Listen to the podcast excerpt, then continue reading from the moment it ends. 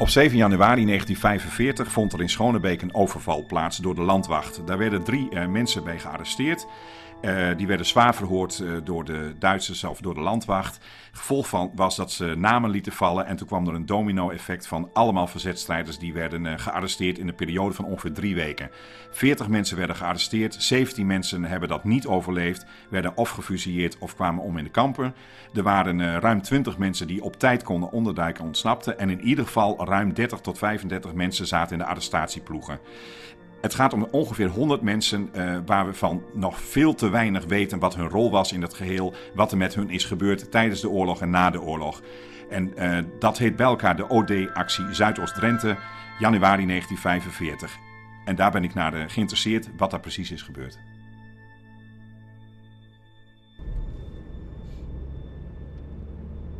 In dit deel van de serie over de OD-actie van januari 1945 die begon op zondagavond 7 januari door een loslippige Jan Schutmaat. Die buurman Hendrik Bruining vertelde dat er onderduikers zaten bij boer Gerrit IJs aan de Hoofdstraat in Schonebeek. Die dat weer doorvertelde aan de burgemeester en zo het balletje deed rollen van die OD-actie. In dit deel Bert Vinken, die onderzoek doet en een boek over schrijft. In dit deel zitten we, zitten we ineens in het Bargerveen. Ja, dat klopt. Wij rijden nu aan de noordkant van Natuurpark Bargeveen. En dat had ook een belangrijke rol in de Tweede Wereldoorlog. Aan de andere kant van, van de grens hebben wij de zogenaamde Emslandkampen staan. Of stonden daar toen. En daar zaten tienduizenden krijgsgevangenen. Dat was een hele, hele rij met, van kampen als het ware. Een reeks van kampen vlak over de grens. Ja, dat klopt. Die waren al voor de oorlog ontstaan. Die had Hitler laten bouwen om de ongewenste politieke delinquenten uit Duitsland in vast te zetten. En toen de oorlog begon, heeft hij daar dus de Russen, Fransen, Polen, Italianen heeft hij, en Belgen heeft hij daar uh, vastgehouden. Tienduizenden. Nou, die, een aantal daarvan ontsnapten, of probeerden te ontsnappen. En uh, ja, die wisten, we moeten richting Nederland.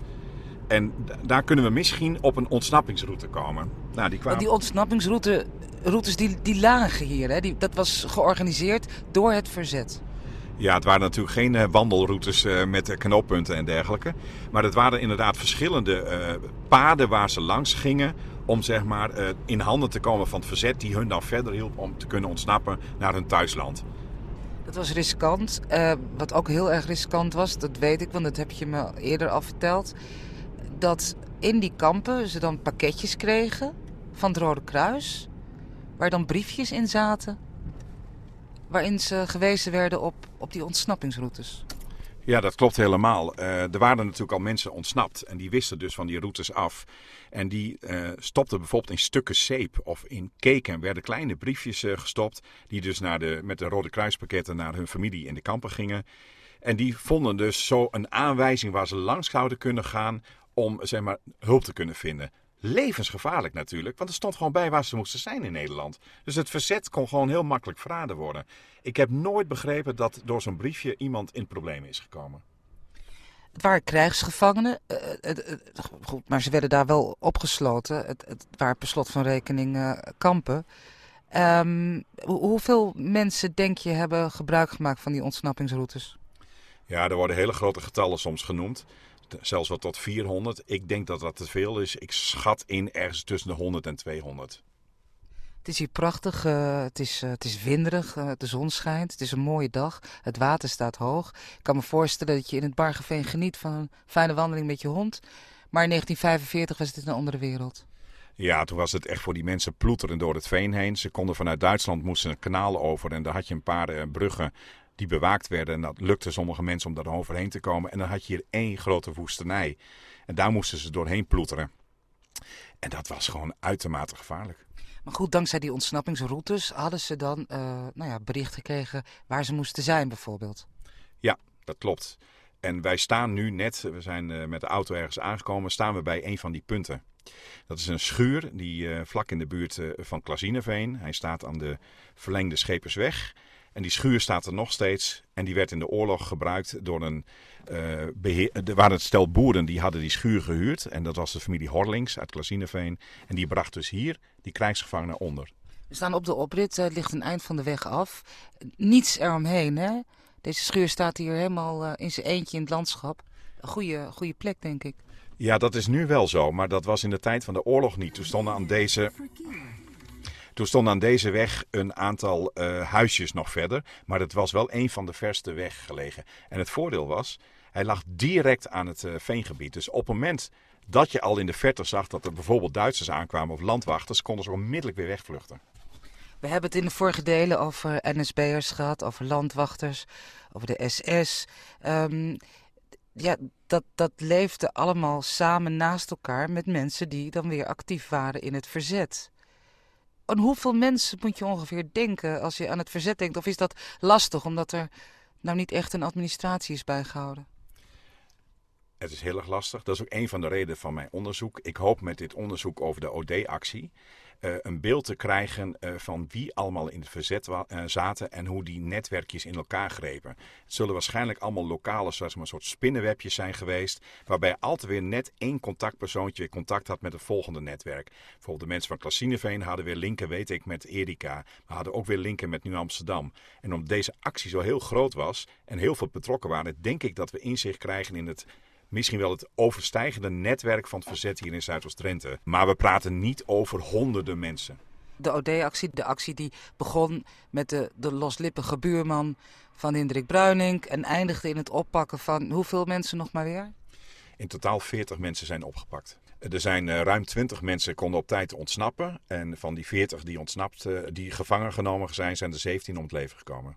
Om het leven gekomen zeg je, die zijn doodgeschoten? Nee, niet allemaal. Negen stuks zijn gefusilleerd uh, bij de Woeste Hoeven. En de anderen zijn om het leven gekomen in uh, concentratiekampen of werkkampen in Duitsland.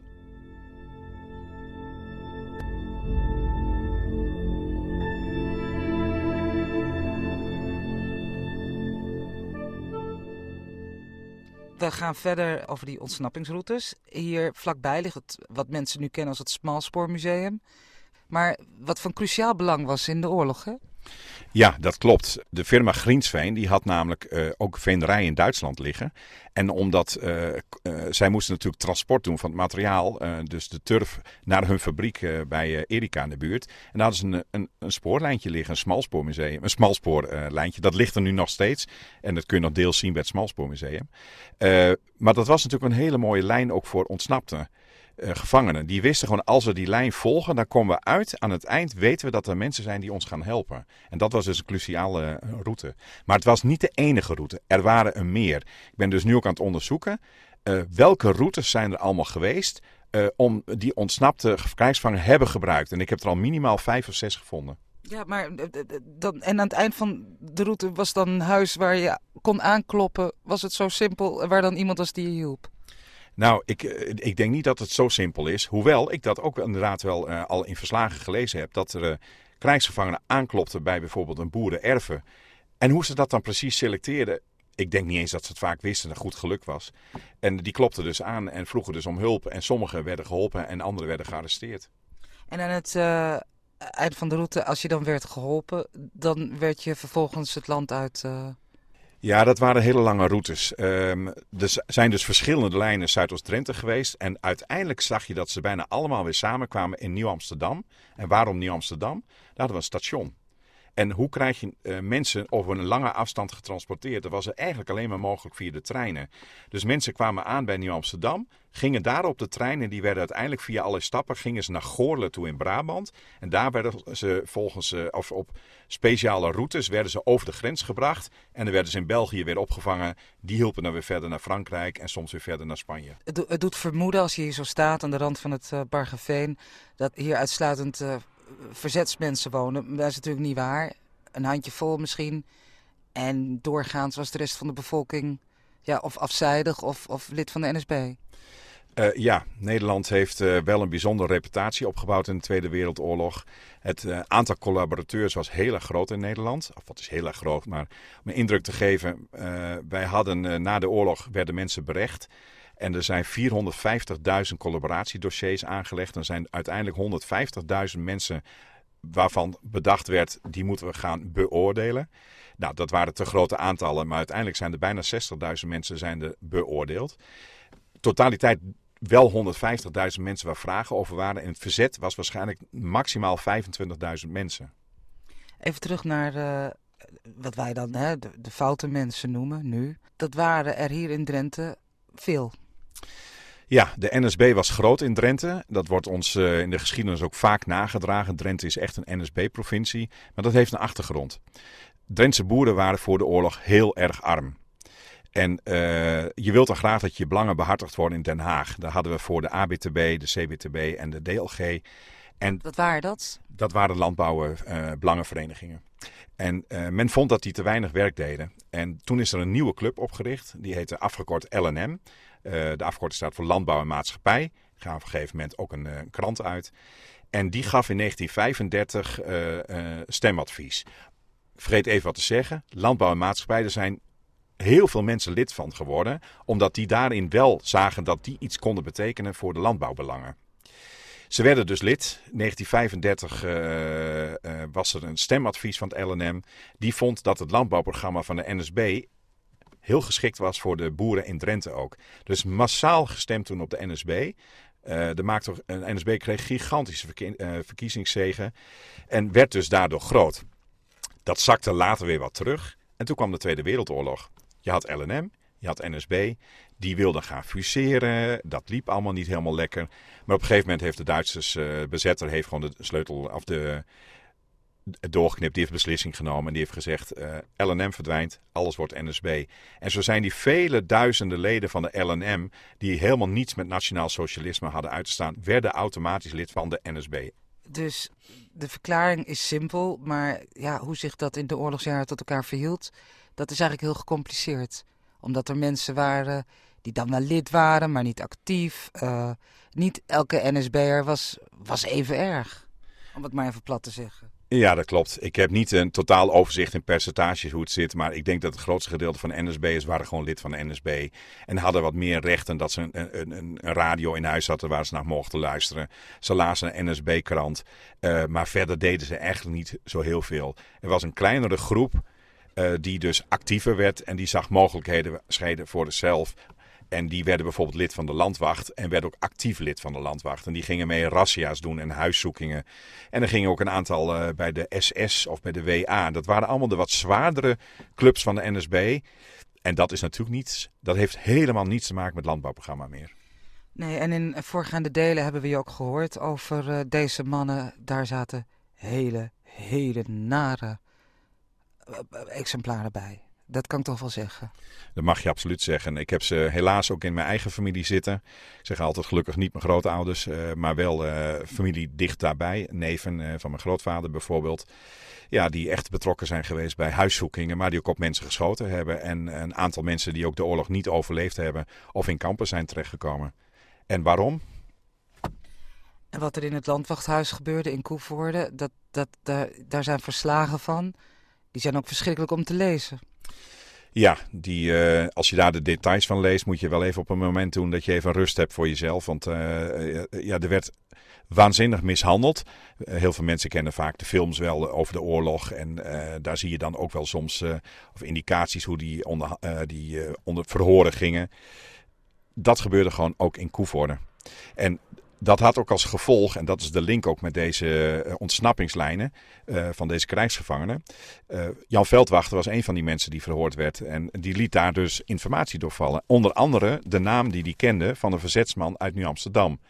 Dat was een zekere Bosman. Daar had hij contact mee gekregen. En, en door alle ellende die hij meemaakte met die verhoren, liet hij die naam vallen. En die Bosman, die was een van de mensen die in die ontsnappingslijnen zat. En daardoor ging het dus mis. En zo kwam het volgende domino-steentje viel. Bosman werd gepakt en werd verhoord. En zo rolde die hele lijn van verzet op. Maar daarmee verdwenen ook de ontsnappingslijnen. Ja, en Jan Veldwachter, dat is die man die op die 7 januari, die zondagavond 7 januari, uh, omdat hij uh, op zijn viool wou spelen, bij Boer uh, Eisen die opgepakt werd. En dus ook weer namen als het ware prijs gaf. Ja, dat klopt helemaal. Hij noemde behalve die naam van Bosman, waardoor de verzetsgroep in Nieuw-Amsterdam uh, opgerold werd. En dus de ontsnappingslijnen bijna tot een einde kwamen. Noemde hij ook bijvoorbeeld de naam van Willem Mantel. Dat was toen de rector van de HBS in uh, en het hoofd van het verzet daar. Ja, die had hij ook leren kennen. Die had hem namelijk zelf aangesteld in Schonebeek als het hoofd van het verzet in Schonebeek. Die viel ook en daardoor viel ook het hele verzetsnetwerk in Koevoorde.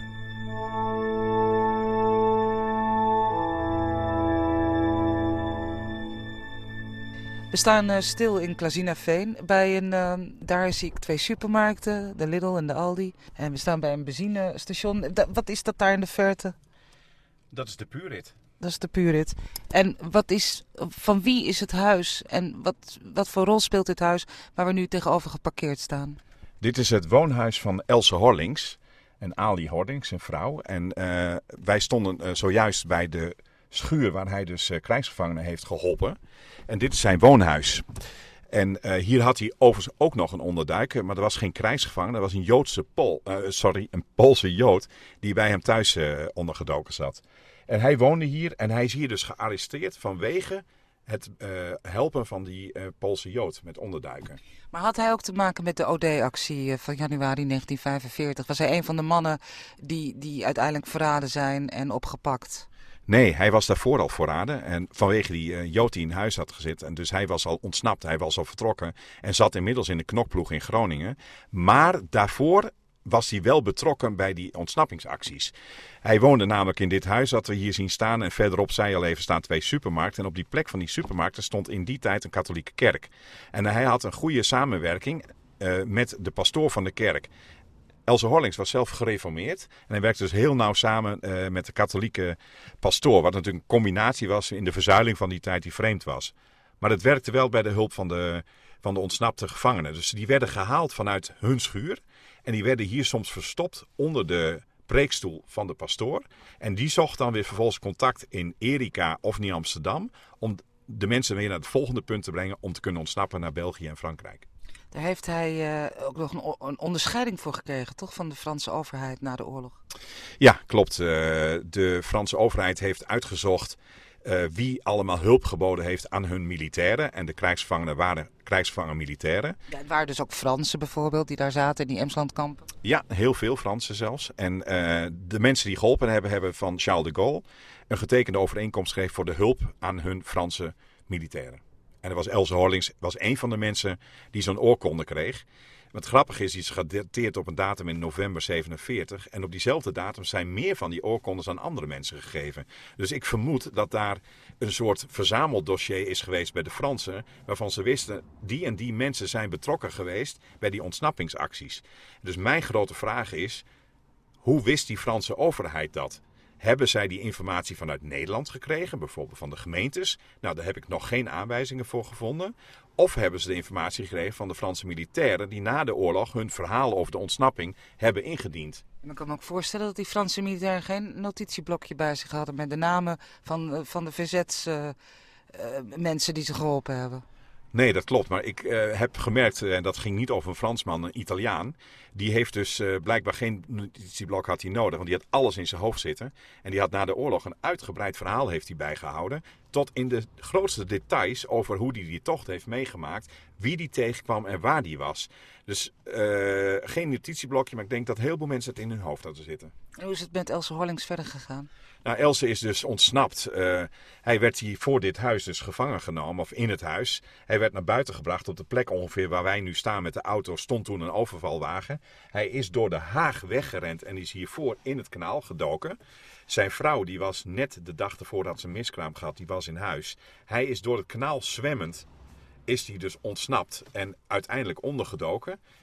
Eerst in de buurt van Zwarte Meer waarschijnlijk. Daarna drie weken in Schonebeek. En van daaruit naar Friesland. En uiteindelijk in Groningen terechtgekomen. En daar kwam hij in een hele sterke knokploeg van de uh, broers Gootjes terecht. Zijn vrouw, die zat hier. En die werd als represaille meegenomen. Die was net een dag ervoor, had ze een miskraam gehad. Die heeft uh, eerst een ruime week in uh, gevangenis in Winschoten gezeten. Daarna drie maanden in de gevangenis in Groningen. En was een van de eerste vrouwen die in kamp Vught terecht kwam. Daar heeft ze zes maanden gezeten. Dus hij zat in Groningen en was nog bezig met zwaar verzet. En zijn vrouw heeft drie kwart jaar in de gevangenis gezeten.